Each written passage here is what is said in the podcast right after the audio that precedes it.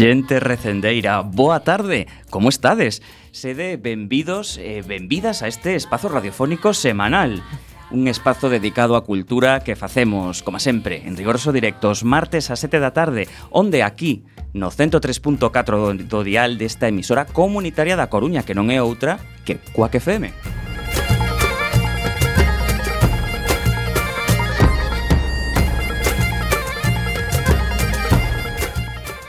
A Agrupación Cultural Alexandre Bóveda presenta este programa que podedes escoitar polas ondas radiofónicas ou a través da internet e tamén en directo na páxina da emisora cuacfm.org. Se non chegaches a tempo, non tes excusa, compañeira. Podes descargar todos os programas xa emitidos tecleando cuacfm.org barra radioco e buscando o noso programa recendo ou escuitalo na redifusión que será os mércores ás 8 da mañá, os venres ás 13 horas e na madrugada do domingo ou luns ás 12 da noite. E non agardedes máis, seguídenos xa nas nosas redes sociais, tanto no Facebook como no Twitter, arroba recendofm onde queremos formar unha comunidade recendeira.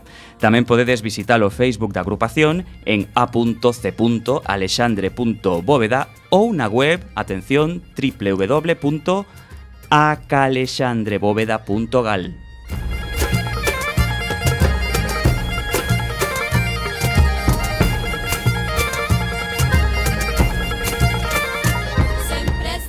Eh, e xa sen máis imos caralo na procura desta fantástica aventura cultural con Roberto Catoira no control técnico. E aquí falándolles coa Almanteira estamos Javier Pereira, Manu Castiñeira. Eh, e Gema Millán.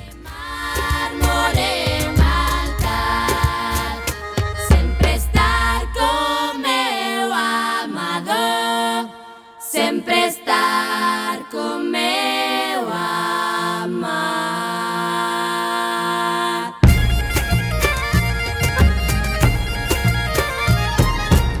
Programa número 255. O programa de hoxe é un especial telefónico sobre escritores galegos, aproveitando que mañá se celebra o Día das Letras Galegas. Falaremos con Xosé Duncan, Antón Ribeiro Coello e Xoan Carlos Domínguez Alberte. Así que excepcionalmente non teremos ningunha sección a Gasa de Poesía Galega a cargo de Gema Millán e falaremos das actividades da nosa agrupación e das outras cousas que se fan na Coruña e na Galiza e que tamén son cultura. E a música de hoxe xa escoitamos en máis ocasións algunhas cancións do, do disco 11 máis 15, editado por Documio no ano 2009, no que 15 grupos ou artistas galegos musican poemas de 11 autores diferentes. Presentamos a primeira peza de hoxe, titulada A Rosalía, a famosa poesía de Curros Enríquez, versionada polo grupo Julian Ross. Música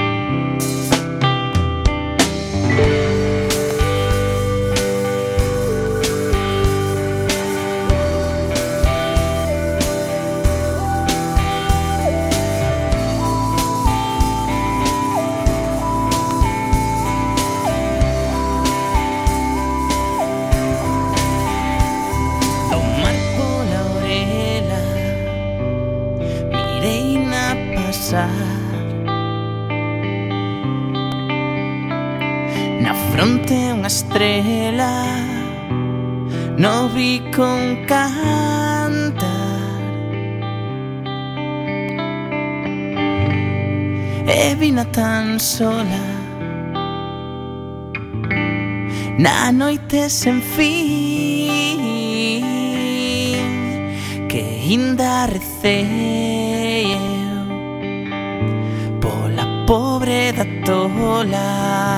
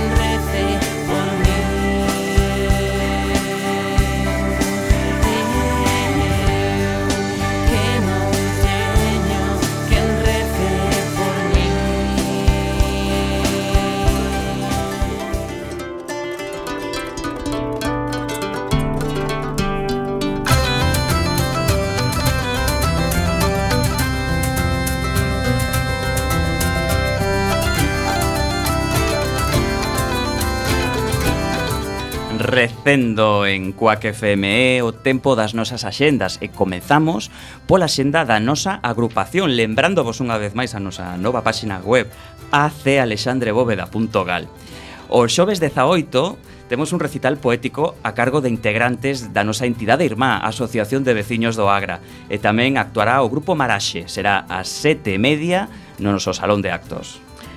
Eh, temos tamén un curso de galego curso de galego titulado Mellorando a Lingua, con profesorado da Universidade da Coruña. Será no Salón de Actos da nosa asociación os días 23, 24 e 25 de maio, de 19 a 21 horas. E o mércores 31, presentación de Na Casa da Boa, o novo libro de Marta Acosta. Será as 8 da tarde no noso Salón de Actos. Non deixedes de visitar a web que acabamos de lembrarvos, acealexandrebóveda.gal e lembrade tamén que o novo horario de apertura do local social é de luns a xoves de sete e media da tarde ata as 9.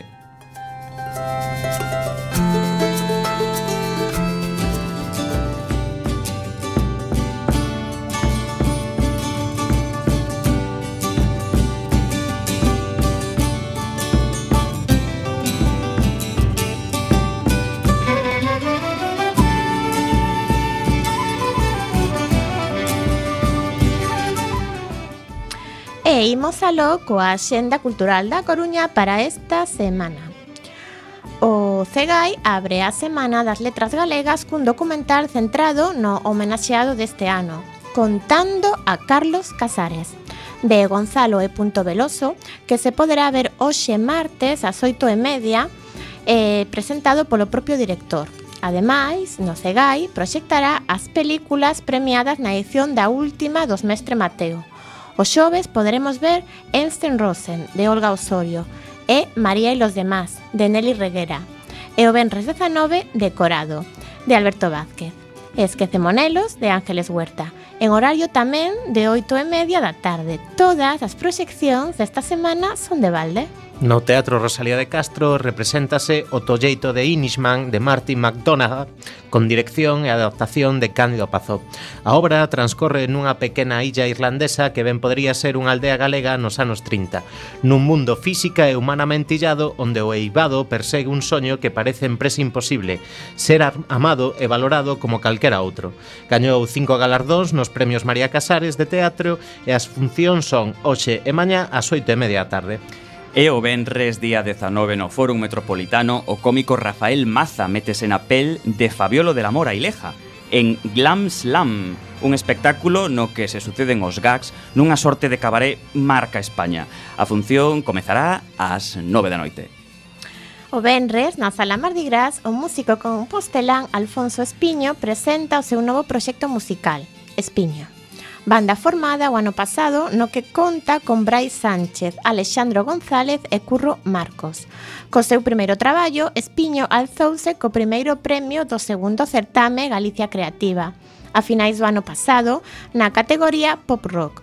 O concerto empezará ás 10:30 da noite con entrada de balde e o sábado día 20 tamén ás 10:30 estarán na Mardi os vigueses Marilán e o cuarteto bilbaíno Señores presentando os seus novos traballos. O sábado día 20, no Fórum Metropolitano, a Asociación Cultural e de Teatral Trotaconventos poen en escea o xuramento de Drake o pé da Torre de Hércules de Carlos Freire Pérez. A función comezará ás 8 da tarde.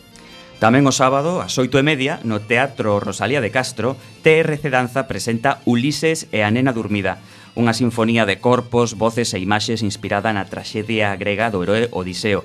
Está dirixida e interpretada por Ángela Blanco. Rematamos co recital que se celebrará o domingo 21, ás 12 do mediodía, no Centro Ágora un concerto dos nenos cantores da Orquesta Sinfónica de Galicia, que interpretarán pezas de Clar, Bach e Hofmeister.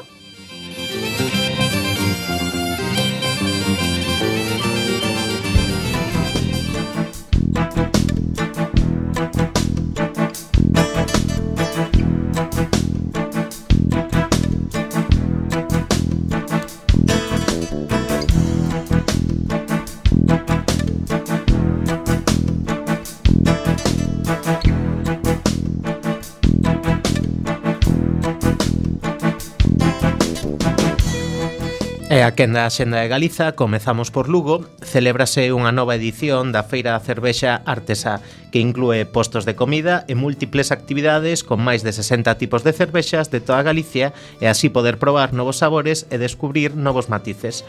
O Benres 19 pode visitarse de 6 da tarde a 12 da noite e o sábado e o domingo durante todo o día dende as 12 na Praza da Horta do Seminario. Continuamos no interior e achegámonos de seguido a Ourense. Gramola Gominola é un grupo de música infantil que fai unha viaxe didáctica pola historia da música, onde o público pode coñecer diversos estilos. Ofrecen unha posta en escena chea de enerxía, cor e momentos cómicos. O seu espectáculo de 60 minutos de duración pode verse este domingo, domingo día 21, ás 12 da mañá, no Auditorio Municipal. E imos aló, damos un chimpo ata Pontevedra. Voltamos ao Cine Clube Pontevedrés con A Rapaza Descoñecida. Os irmáns Ardén volven tratar o azar, as posibilidades que se abren ante cada decisión tomada e a constante procura do alivio da conciencia.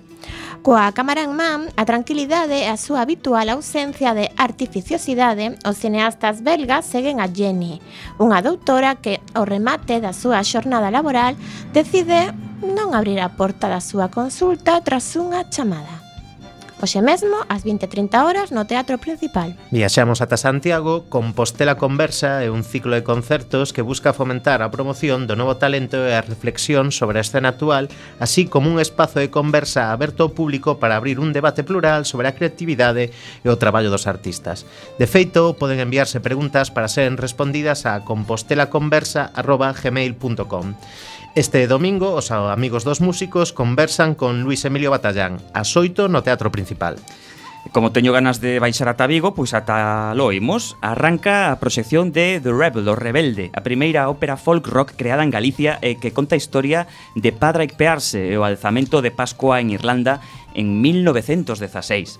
Un proxecto único e multidisciplinar no que están implicados diversos artistas mm, de música, teatro, cine, artes gráficas e creatividade digital. Vai ser pasado mañá xoves ás 8 e media na SEA Fundación eh, na cidade de Ferrol atoparemos a Madeleine Perrou, unha das grandes estrelas do jazz contemporáneo en concerto, unha cantante atemporal e unha personalidade enigmática, tímida e imprevisible. Dende hai anos necesita poucas presentacións, sendo unha das mellores vocalistas de jazz nas dúas últimas décadas. O Benres 19 ás 21.30 no Auditorio Ferrolán. A vila convidada de hoxe é Portas, o ilusionista Martín Camiña presenta A Maxia de Carlos Caseares, un espectáculo máxico, literario e vital que navega na narrativa, no ensayo e nas sorpresas da vida e da obra de Carlos Casares. Unha trama tecida no arte do encantamento das palabras do escritor. Vai ser no auditorio de, da Azucreira, mañá mércores ás 7, mañá mércores, perdón, 17 ás 7 da tarde.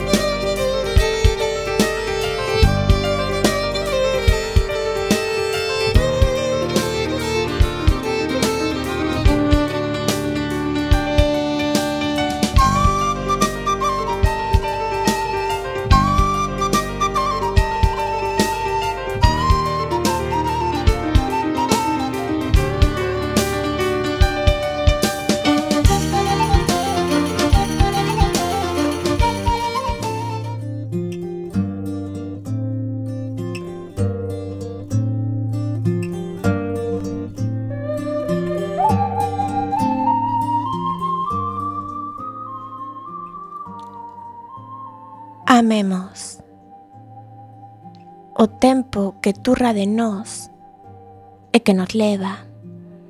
Inda que o ceo está azul e non hai nubes e non chove, sempre é cedo. Para o froito que agardamos e non chega. Amemos a rosa porque é breve, e ao tempo porque fuxe e non se para. Inda que a beira das horas Das esquiñas morran as verdades contra o vento e a noite seña un recendo podrecido das flores que chantamos para salvarnos. Amemos as bocas que mancan a ubicalas, aos pianos que medran e non tocan, e as tardes fermosas que se acaban.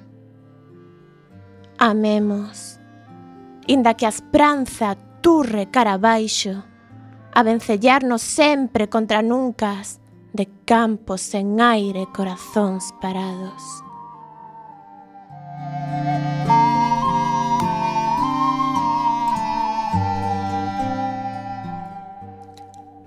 Acabades de escoitar o poema Amemos de Carlos Casares, que é o escritor homenaxeado no Día das Letras Galegas do 2017.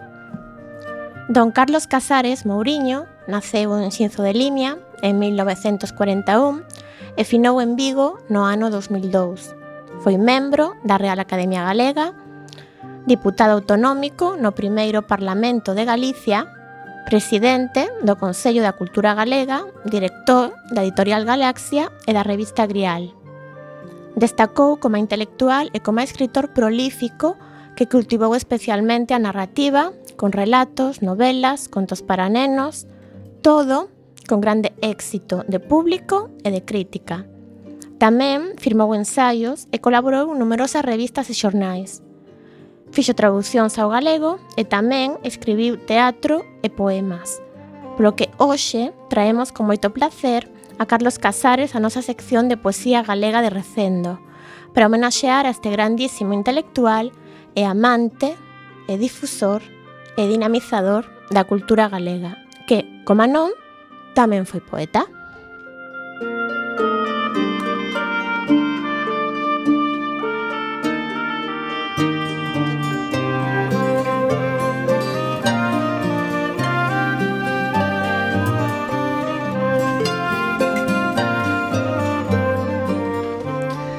Continuamos no noso recendo en Coac FM Como xa estamos repetindo, mañá, 17 de maio Celebrase o Día das Letras Galegas.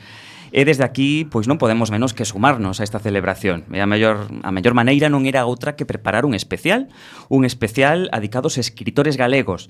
Así, podemos dicir, matamos dous paxaros dun tiro. Por unha banda, complementamos o especial sobre autoras galegas Que vos ofrecemos hai un par de meses Ao mesmo tempo que non deixamos pasar unha data tan importante para a cultura galega. O que temos preparado para hoxe non é pouco. Comenzamos con Xosé Duncan, un dos valores da literatura fantástica galega, un xénero que para moitos segue considerado como a menor. A continuación teremos a Antón Ribeiro Coello, un dos autores máis populares na narrativa contemporánea, e con quen recordaremos a figura de Carlos Casares. Por último, recibimos a Xoan Carlos Domínguez Alberte, un escritor que acaba de debutar na poesía infantil con Versos para conversar. Xosé Duncan publica a súa primeira novela no 2013 titulada A Revolta dos Mestres, o primeiro volume da triloxía das Crónicas de Bran, unha historia de fantasía épica onde acompañamos a Bran na súa viaxe ata a Terra de Alba en busca do seu destino. A triloxía complétase con A Porta de Aun e O Sol por dos Deuses, todas elas publicadas por Contos Extraños, a editorial coa que Xosé Duncan colaborou en repetidas ocasións para a súa revista periódica de relatos de fantasía, terror e ciencia ficción tamén chamada Contos extraños. O ano pasado, o noso convidado cambia de rexistro e presenta Negruña, unha novela de distopía posapocalíptica na que o autor mostra a súa particular visión do futuro da cidade herculina. Para falar de Negruña e de literatura, temos hoxe connosco a Xosé Duncan. Moi boas tardes, Xosé. Ola, boa tarde, que tal? Moi ben. Bueno, Xosé, imos ao comezo de todo. Lembras se houbo algunha razón especial pola que comezaches a escribir? Bueno, eh, supoño que sería polo, polo desexo incontrolable que sempre existe de, de tentar imitar aquilo que, que adoras, non? Eh, eu adoraba ler, digo adoraba porque, bueno, agora de mozo facía máis que agora, agora o pouco tempo de ocio que teño, pois casi o adico prácticamente a, a escribir.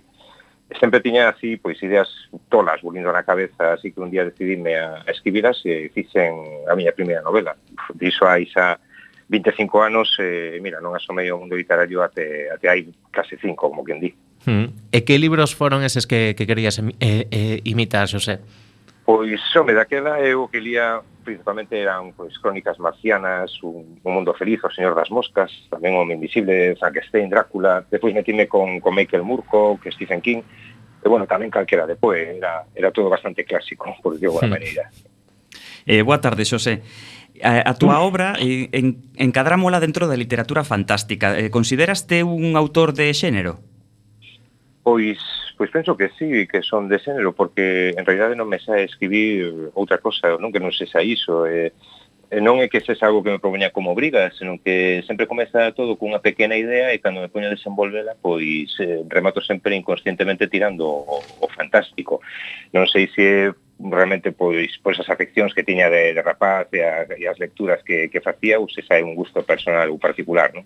é un, un impulso natural, por tanto, que, sí, que te leva a literatura sí. fantástica e non, e non a outro tipo, a outro xénero, non? Sí. Efectivamente. E, crees que a xente aínda continúa a desprezar a fantasía e o terror como, quizáis, considerando que son un xénero menor? Que opinas?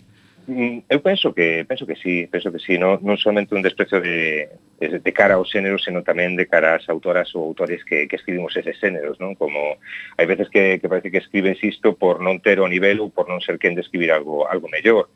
Hai tamén unha especie de liña moi marcada e lógica que separa de algún xeito a literatura de, de adultos eh, era infantil, non? Considerando moitas veces ou encandrando moitas veces o xénero fantástico de terror como algo infantil, de algún xeito iso, é- iso é ridículo porque Mm. non lle podes aplicar filtros ou a literatura fantástica, xa que para min é unha literatura de adulto. Eh, sí que é certo que tiras de determinados recursos que podirán parecer un tanto juvenis ou infantis, pero eu penso que a maior parte da boa literatura fantástica ten un trasfondo bastante adulto e un mensaxe bastante máis complexo do que poda aparecer a, simple vista. Moi ben. Uh -huh, claro que sí, boa tarde, Xosé. Hola, boa tarde.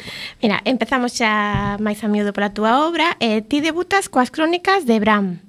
Uh -huh, sí. Sempre tiveches esta eh, historia en mente? Porque, bueno, parecenos como moi ambiciosa para un primeiro proxecto. o ah, certo que sí, sí, foi un pouco así. Bueno, o, a verdade é que sí que sí que era a verdade que tiña en mente que, que, ian, ser, que ian ser varios libros, eh, ao final acabou unha fórmula clásica de triloxía, non? Uh -huh. Pero bueno, pero o certo é que un pouco a súa orixe pois foi foron os relatos que que ia facendo nese momento para a colección Contos extraños de de feito penso que houbo dous deles que era o Ollo do Corvo e os últimos de Landeiras que foron un pouquiño o serme principal, non? Primixenio de das crónicas de Bram. Eh, o Ollo do Corvo era, era un rato que era un, unha pequena homenaxe por a miña banda ao corazón de la toro, o gato negro e o corvo de Poe, e os últimos de Landeiras pois eh, mesturaba en elementos xa fantásticos de ogros, eh, trolls, unha aldea castrense perdida no monte que era atacada, eh, todo, to, todos eses elementos ao final foron os que deron a, a teosía, porque na teosía tamén exprímese sobre todo ao final o concepto de multiverso. Eh, a acción transcorre nesa terra imaginaria de Alba, que ten moitos toques celtas e irlandeses, pero tamén transcorre a tempo real no, no Barbanza, no? en Rianxo, Taragoña, na época actual, e intercambian un pouquiño as, as tramas.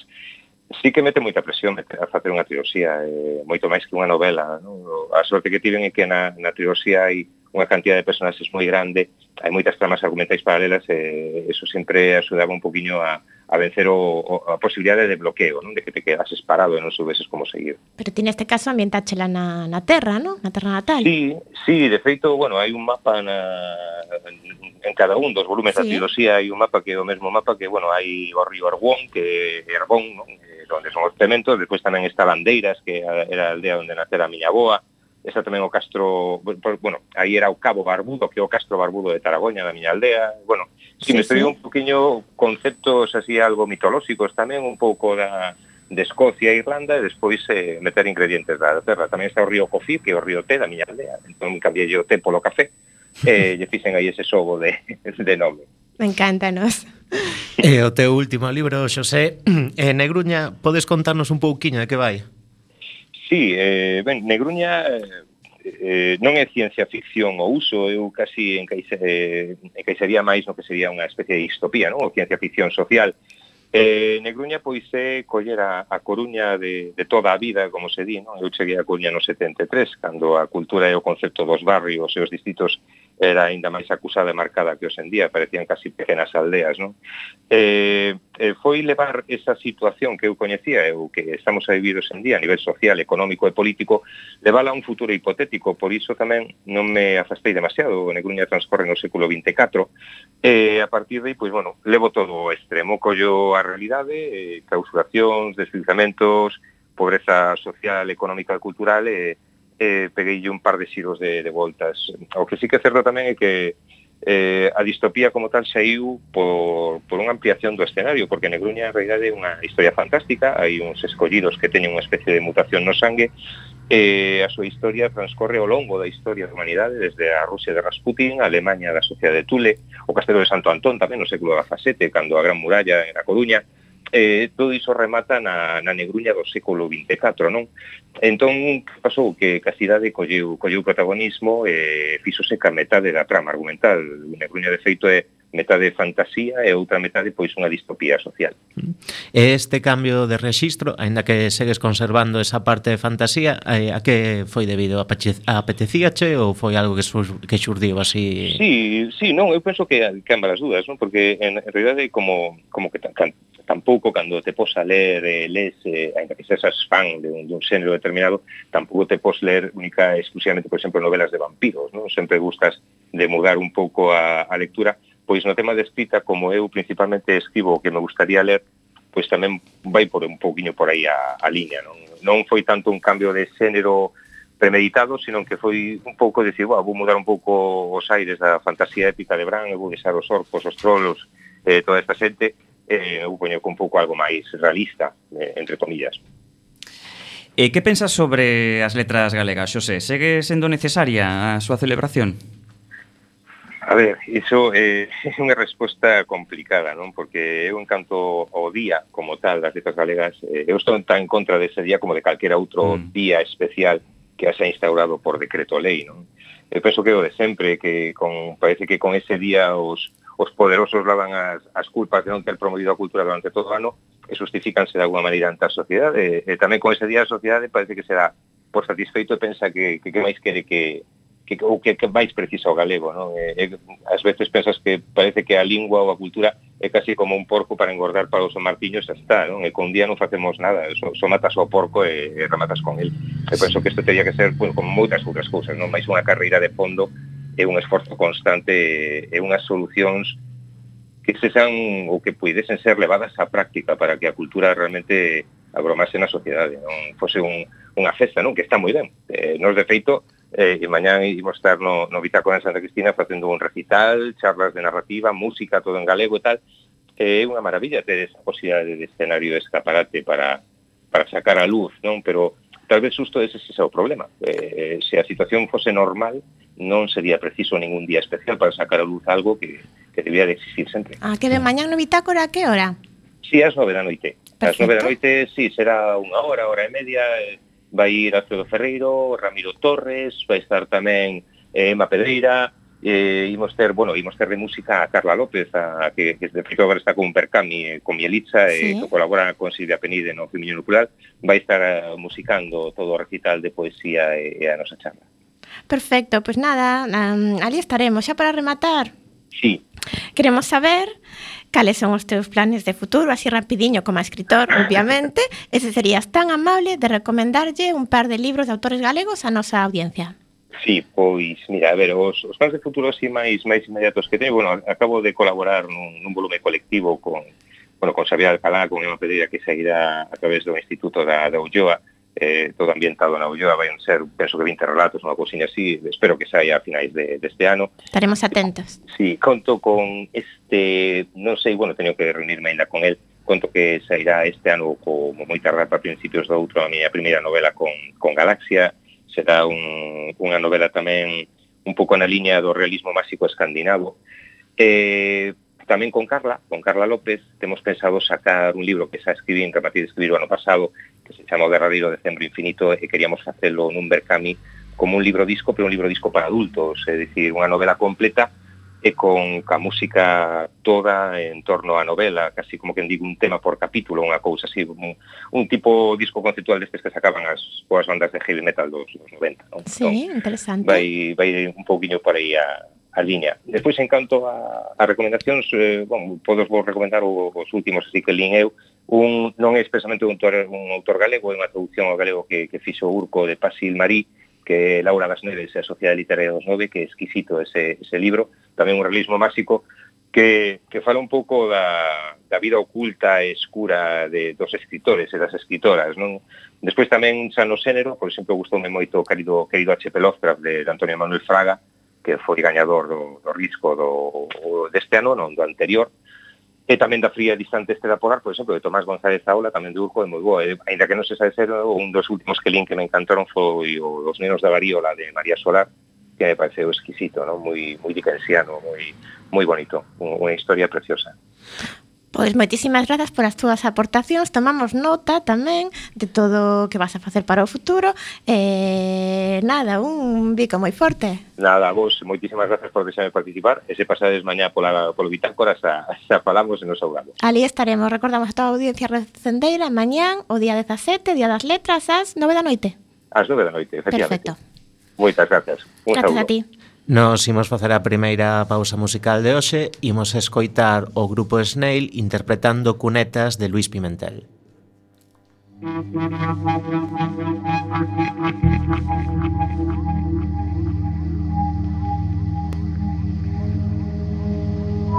you.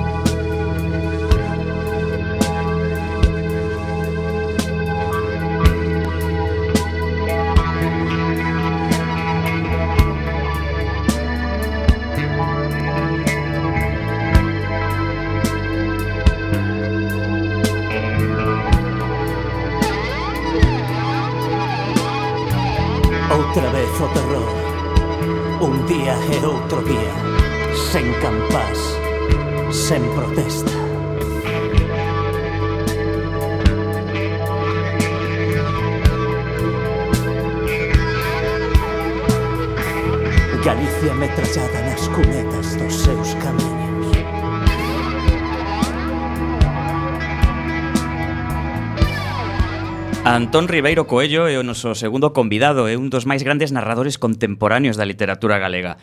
Entre as súas obras podemos atopar títulos tan populares como A Quinta do Saler, As Rulas de Bakunin ou Os Elefantes de Sokurov. Coa súa última novela, A Ferida do Vento, Antón Ribeiro Coello lembra a súa adolescencia en Xinzo de Limia, así como a figura de outros veciños da Vila Ourensá, entre eles Carlos Casares. Desta maneira, Antón Ribeiro fai a súa particular homenaxe ao seu amigo e protagonista do Día das Letras Galegas deste ano. Coa Ferida do Vento, Ribeiro segue a indagar na propia memoria, unha pescuda que xa o levou a publicar Casas Baratas, unha compilación de relatos centrados na infancia do autor. Na conversa telefónica con Antón imos lembrar a Casares e falar de literatura. Antón, boas tardes. Hola, boa tarde. Ben, para comezar, eh, contanos, como nace a idea de a Ferida do Vento? Bueno, pois naceu no ano 2001 eh, logo de que Carlos no restaurante Carretas de Santiago convidara a varios eh, periodistas para presentarmos a novela tivemos unha conversa despois do, do xantar que durou bastantes horas e Carlos falaba falei un pouco dos tolos da miña época que non coincidían con ela e animoume, fixolle graza e mesmo o día seguinte publicou unha columna falando da, do asunto e a min animoume a, a que escribise un libriño con, con eses tolos. E, empecé a escribir dous ou tres relatos, adquirí un compromiso con el, pero como despois o ano seguinte, pois Carlos morreu, eh, esquecínme do, do tema. Eh, sin embargo, no, no ano 2014, eh, pois, eh, o día que me fixeron fillo predilecto, fomos a, ao cárcere onde eu vivira, e ali xudiron as pantasmas, e eh, nada, pareceume unha boa idea o, eu sabía que este ano se ian dedicar 50 anos do, de Vento Ferido, da publicación de Vento Ferido quería facer unha homenaxe a Vento Ferido, non me podía imaginar que que mm. ian da Día das Letras, e xa cando a novela estaba pois en na editorial, eh, produciuse a, a nova de que de que lle daban o Día das Letras a Carlos e foi, bueno, unha oportunidade de, de homenaxear a, a un autor e tamén a, a miña vila e aos meus vecinos. Eh, tiñas claro desde o comezo, Antón, que Carlos Casares sería eh, un dos teus personaxes? Sí, sí, bueno, eso parecíame un xogo que a Carlos seguramente lle faría moita, moita graza, non? Eu quería contar, eh, establecer paralelismos coa, coa miña adolescencia, con ese Carlos Casares que chegaba a Chinzo pois, a dar un pregón nunhas festas e que viña acompañado por aquela rubia alta, tan guapa e, e bueno, pois eu tamén tiña a miña a miña rubia guapa, que era unha moza mm, que viñera de, de Alemania, eh, quería establecer esos, esos xogos e incluso que a miña moza falaba, ela non nos entendíamos prácticamente, ela tiña, eh, non sabía falar español, entonces eh, fixen moitos xogos e eh, tamén con vento ferido, sobre todo eh, coa rapaza do circo, non? Que, Ai, sí, do relato que está, digamos, inspirando. Sí. Un, un dos relatos máis lindos para min de, de Vento Ferido, o de a rapaza do circo. Gústame que sí. traigas aquí a, a esta entrevista. Antón. Pois, é un, é un, ese foi un motivo, digamos que, un dos motivos de inspiración da, da historia tamén. Mira, Antón, e xa que falamos de, de Casares, como, bueno, mañá se conmemora se homenaxea no, no, día da, no Día das Letras.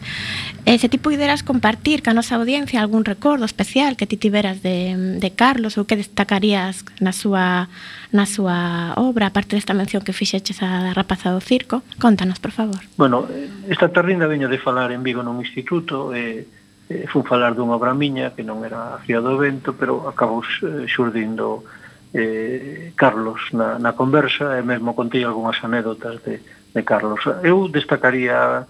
Carlos é un escritor eh, excelente, é dicir, é un escritor que, que non embelleceu para nada a súa literatura, vento ferido, eh, que se publicou no 67, sigue tendo ese carácter de mm, rompedor, de modernidade, non? Esa, esa ponte que estableceu entre a tradición e, a, e, a, e o relato moderno, eh, e sigue tendo ese, ese, ese valor, non? Moitas das súas obras son fantásticas eh, os que coñecemos a Carlos eh, botamos moito de menos as súas conversas, porque é verdade que Carlos era un gran escritor, un gran xornalista, un gran xestor cultural, un home tolerante, un home eh, que sempre está buscando consenso, pero eh, os que o coñecemos eh, sempre a, a súa faceta de, de, de conversador era excepcional. Non, non ninguén se ia a cama mentras Carlos estaba contando algo. Era, era unha especie de de, de encontro carnal, eses, eses momentos con Carlos que era capaz de manter esa intriga, dosificando sempre o misterio que era o final.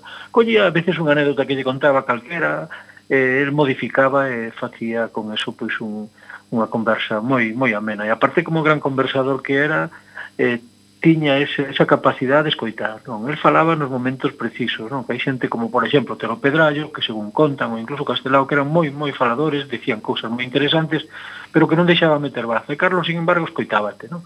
Ele estaba sempre intentando apañar anécdotas e historias que lle contaba a xente eh, polo mundo adiante, el despois eh, era capaz de reinterpretalas e, e modificalas e convertilas en, en esos preciosos, eh, precisos tamén eh, microrelatos. Non? Volvemos a falar de A Feria do Vento, Antón. Eh, A adolescencia é un tema moi tratado na literatura, pero a ti que era o que te interesaba da adolescencia como escritor? Bueno, eu na, na adolescencia realmente non tiña ningún eh, ninguna perspectiva de, de escritor incluso como lector éramos os da miña xeración pouco lectores na, nos, nos colexios non nos mandaban ler prácticamente literatura tiñamos que aprender de memoria o nome dos autores eh, a que xeración pertencían eh, saber de memoria as súas obras, incluso algunha poesía, pero non nos mandaban ler. Eh, eu o que lía realmente cando tiña na adolescencia 13, 14 anos, pois eu que lía todo o mundo, pois novelas de, de Marcial Fuente Estefanía, de Vaqueiros, que era literatura de quiosco, literatura malísima, e non, na miña casa tampouco había libros, nada parecía a min que me fose levar. Sin embargo, eh, na novela conto esa aparición da Odisea, que con 13 anos ou 14 un profesor regaloume a Odisea. Eu sempre pensei que fora ah, que eu lera con 13 anos a Odisea, que me quedei totalmente engaiolado. E incluso coa sendo escritor, algunha vez dixen que era Odisea, ninguén me cría, dicía que era un pouco fantasioso que un rapaz de 13 anos lese Odisea. E tiñan razón, porque eu pensei que, que a Odisea que lera, eh, que era a real, e o que lin foi unha adaptación. Eh, cando despois xa, incluso empezando a ser xa escritor, descubrín que a Odisea era moito máis gorda, que non era aquela adaptación tan magnífica que lera, por leveme unha pequena decepción, sorpresa, non? Pero foi, aquela adaptación foi un, un dos primeiros libros que me, que me engallolou. E despois tamén a Carlos, eh, os primeiros libros que lín en galego creo que foron Ilustrísima, antes que Vento Ferido, eh, algúns libros que linos porque ellos mandaban ler a miña irmá, porque a mí non me pillo galego na, na escola por, por un ano ou dous, eh, o contacto coa literatura foi bastante xa casi rematando a adolescencia. Eu me fixenme realmente lector e descubrí na literatura con casi 20 anos, 18, 19, esos primeiros abraios lendo a Cunqueiro, lendo a lendo a, a García Márquez, dese realismo máxico que, que foi para os da miña xeración unha especie de iluminación, pero mm, xa digo que non, non na miña adolescencia a literatura tiña máis forza e máis importancia a música que a, que a literatura, moito máis. Antón, eh, ti crees que un día como de mañá adicado á literatura galega segue sendo necesario? Cambiarías lle algo? Bueno, eu dixen eh, cando se produciu a nova de, de Carlos Casares de que lle dedicaban o Día das Letras dixen que parecíame moi pronto por que? porque aínda que hai eh, xa pasaron 13 no, 15 anos, xa pasaron casi 15 anos da, da súa morte, a figura de Casares, a, a súa importancia é tan grande, tan grande, a súa influencia é tan grande, eh, e a súa literatura ainda está tan, tan viva que parece increíble que, que, que pasase tanto tempo, non? Eu creo que as letras, ao mellor, o Día das Letras está para recuperar figuras que están esquecidas e para poñerlas en valor. Eu, eu non creo que Carlos necesitase iso ainda. É, é indubidable que a figura de Carlos pois eh, merece un Día das Letras, eh, dá moito xogo, ademais, é unha, é unha persoa que ten literatura infantil, literatura juvenil, e ten tamén obras obras maravillosas, ensaio, periodista, é, decir, eh, é unha figura moi versátil, pero eh, a, o Día das Letras tal vez deberían, eu penso que debería ser un día lectivo, eh, seguramente para que nos colexios eh, se pudiese vivir de outra maneira, porque a xento que fai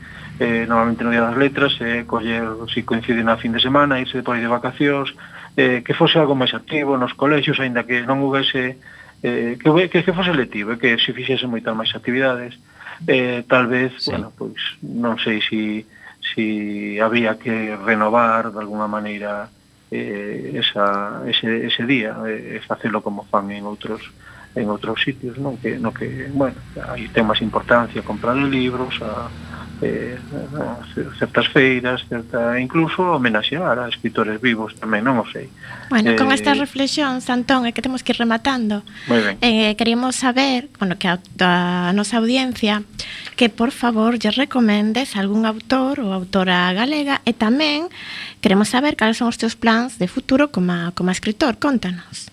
Bueno, eh, mañá xa é publicada unha biografía miña na, en la Voz de Galicia. Sí. Que unha biografía de Carlos, eh, unha biografía novelada.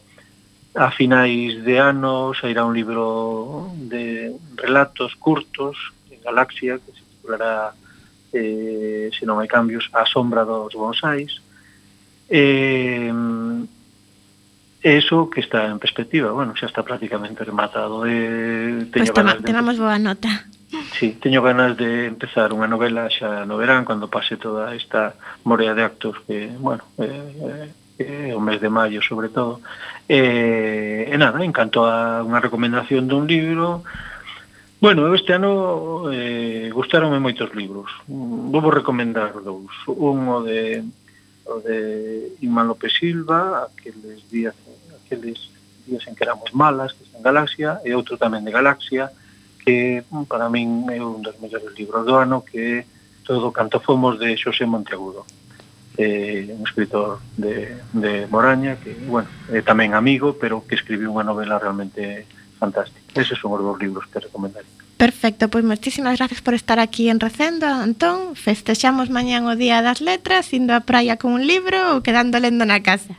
Moi ben. Veña, un bico. Un bico para todos. Facemos outra pausa musical, en este caso é Roberto Sobrado e banda que musican a dama que fala do colectivo poético Rompente.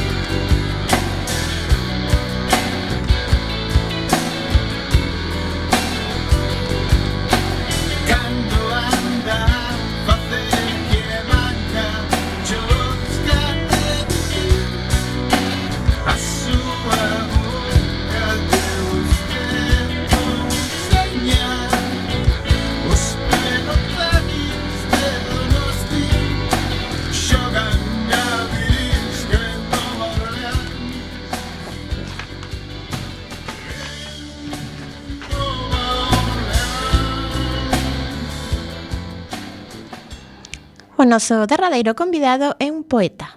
Pois, evidentemente, recendo non podía esquecer a poesía nunha véspera tan sinalada. El é Xoan Carlos Domínguez Alberte, poeta natural de Escudeiros, na comarca de Terra de Ceranova, e vende publicar Versos para conversar, un libro de poesía infantil deses que pouco abundan. Versos para conversar mestura a tradición popular cos dialectalismos vivos para artellar unha ponte entre xeracións, un xeito de que os cativos recollan a testemunha da tradición da nosa cultura para logo relanzada cara a novos universos. Versos para conversar é o debut de Xoan Carlos Domínguez Alberte na literatura infantil, pero é autor de outros poemarios como Rastros con enrugas ou Incivil, así como traductor de autores como Esopo, Ovidio ou Becker. Para conversar sobre poesía e cativos, temos hoxe o placer de que estea connosco en recendo Xoan Carlos Domínguez Alberte. Moi boa tarde, Xoan Carlos. Hola, boas tardes. Veña, imos a empezar coa entrevista e queremos sí. saber eh, onde nace a idea de escribir versos para conversar. Bueno, pois a idea nace un pouco de, de, de dúas vías. Por un lado, das miñas fillas, que son dúas, dúas nenas de, de 7 a 11 anos que, que teñen agora, e que me propuxeron, eu que, bueno, que xa teño uns cantos títulos de poesía para, para adultos, aparte de outros, outros libros, pois que hai así como un par de anos me dixeron papá, está moi ben eso que faz, pero a ver cando faz eh, algo para nós.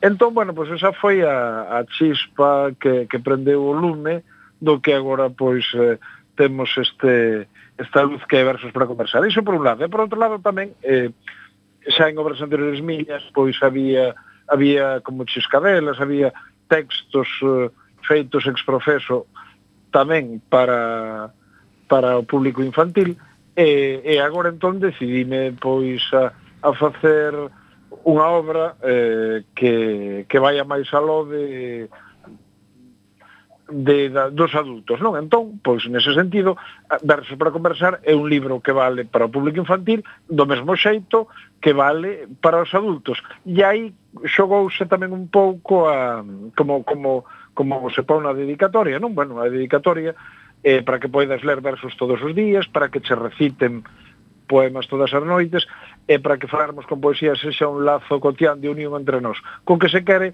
eh, achegar a poesía que é ese xénero tan difuso ás veces e, e outras veces tan pouco promocionado dende pois, as editoriais, ou mellor, as librarías e, e bueno, pois, parece que é un, un xénero para minorías pois, o, que, o que se quere facer con este libro e con outros que se están facendo aí a partir daquela chama que me propuxaron eles, ou seja, algunha outra obra que xa por, esta, eh, por aí está medio feita, é que o, a poesía sirva de elemento uh, cotián entre eh, na, na, no seu da familia, no seu dos compañeiros, etc. Non? Ti que és profesor, Xoan Carlos, como valoras o contacto que teñen os estudantes galegos coa poesía? Xa chegan con algo de idea ás aulas ou non? A ver, eh, a miña experiencia, eu son profesor de Lingua e Literatura Galega de, de Educación Secundaria, ademais, mm. e, eh, eh, por o que percibo eh, en xeral, eh, claro, despois hai excepcións, ao, ao longo do, dos anos de docencia, eh, son dúas cousas. Por un lado, bueno, pois ao mellor eh, eh o afastamento, a, non a proximidade á lectura en xeral, eh, eh, eh, e chegan, chegan un da ti, eu gustame collelo xa en primeiro da eso para leválos de man para, para toda esa fascinante etapa da súa madurez, ata segundo de bacharelato, e, e vamos, eh, os máis dos rapaces eh, gozan coa lectura. Iso por un lado. Por outro lado, segunda vertente, a poesía moito menos. A poesía é pois algo en xeral ao que non están afeitos para nada. E, e a poesía, pois, nas aulas, se xa cun libro, se xa con poemas diversos, de autores diversos, de temáticas diversas, pois eh, dá moitísimo xogo, dá moito xogo, porque a poesía, entre outros aspectos, eh, é pensamento, é emoción en estado puro, non? Entón, pois, eh, nese sentido, pois, a poesía é unha descoberta para eles, e, eh, e que en xeral lles gusta, pois ves que a este lle gusta máis esta temática, ou a mellor esta autora, tal. E logo a terceira pola, pois, é a literatura galega, eh, da que quería falar. Que, eh, en xeral, pois, chegan cun, cunha bagaxe moi, moi escasa, e logo, a medida que ven que en galego, temos un montón de títulos de autores, autoras maravillosos, e que ademais temos un montón de, de obra universal traducido ao galego, pois eso é, a moitos rapaces resultalles pois eh, fascinante, non? E crees que o Día das Letras Galegas pode ser unha boa ferramenta para chegar á literatura en xeral ás novas xeracións ou está un pouco enferruxada nese sentido? A ver, o Día das Letras Galegas a mí pareceme moi ben, é un día de celebración, pero o día de celebración ten que ser todo ano, ou seja, o sentido primixenio originario cando aló eh, instituíron en 1963 co, co gallo centrario de, de Cantares da Rosalía esa data, Paco del Rego e outros, foi o de, o de reivindicación e de celebración da nosa cultura e da nosa lingua. Ou seja, nun día, pero eh, iso ten que ser motivo de gozo, de culto, de cultivo todo o ano. Eh, a propósito do Día das Letras Galegas que que vimos celebrando eh, todos estes anos.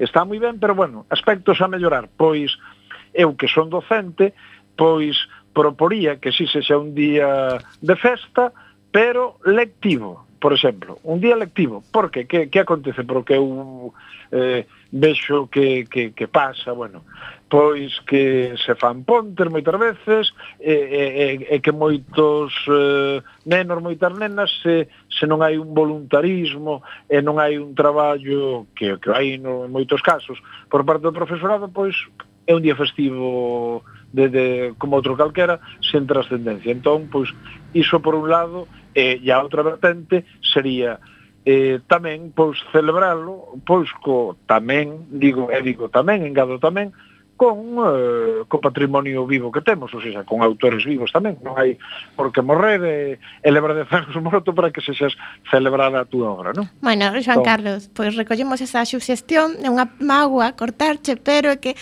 nos quedamos sen tempo para casi bueno, nada. Pois pues Únicamente para agradecerche que estiveras aquí en Recendo e se de forma moi rápida nos queres dicir os teus plans de futuro como escritor e recomendar un libro a audiencia Ah, Aquí tes os micros, veña. Pois calquera libro eh, de calquera autor seguro que tal. Pero bueno, por xa que estamos eh, mañán é o día no que se celebra este ano pois a, a nosa literatura, a nosa lingua, pois eh, Casares, por suposto, é un libro, pois eh, O vento ferido, que é un libro maravilloso de relatos. E ao mesmo tempo tamén un poemario, aí vai un dos meus autores preferidos, que se lee moi rápido, pero permite relelo toda a vida. Luis Pimentel, Sombra do aire negro. Perfecto. Moitísimas gracias, Joan. A vos por me convidar. E chegamos a fin por hoxe, cos nosos escritores Xosé Duncan, Antón Ribeiro Coello e Xan Carlos Domínguez Alberte. Eh, agradecendo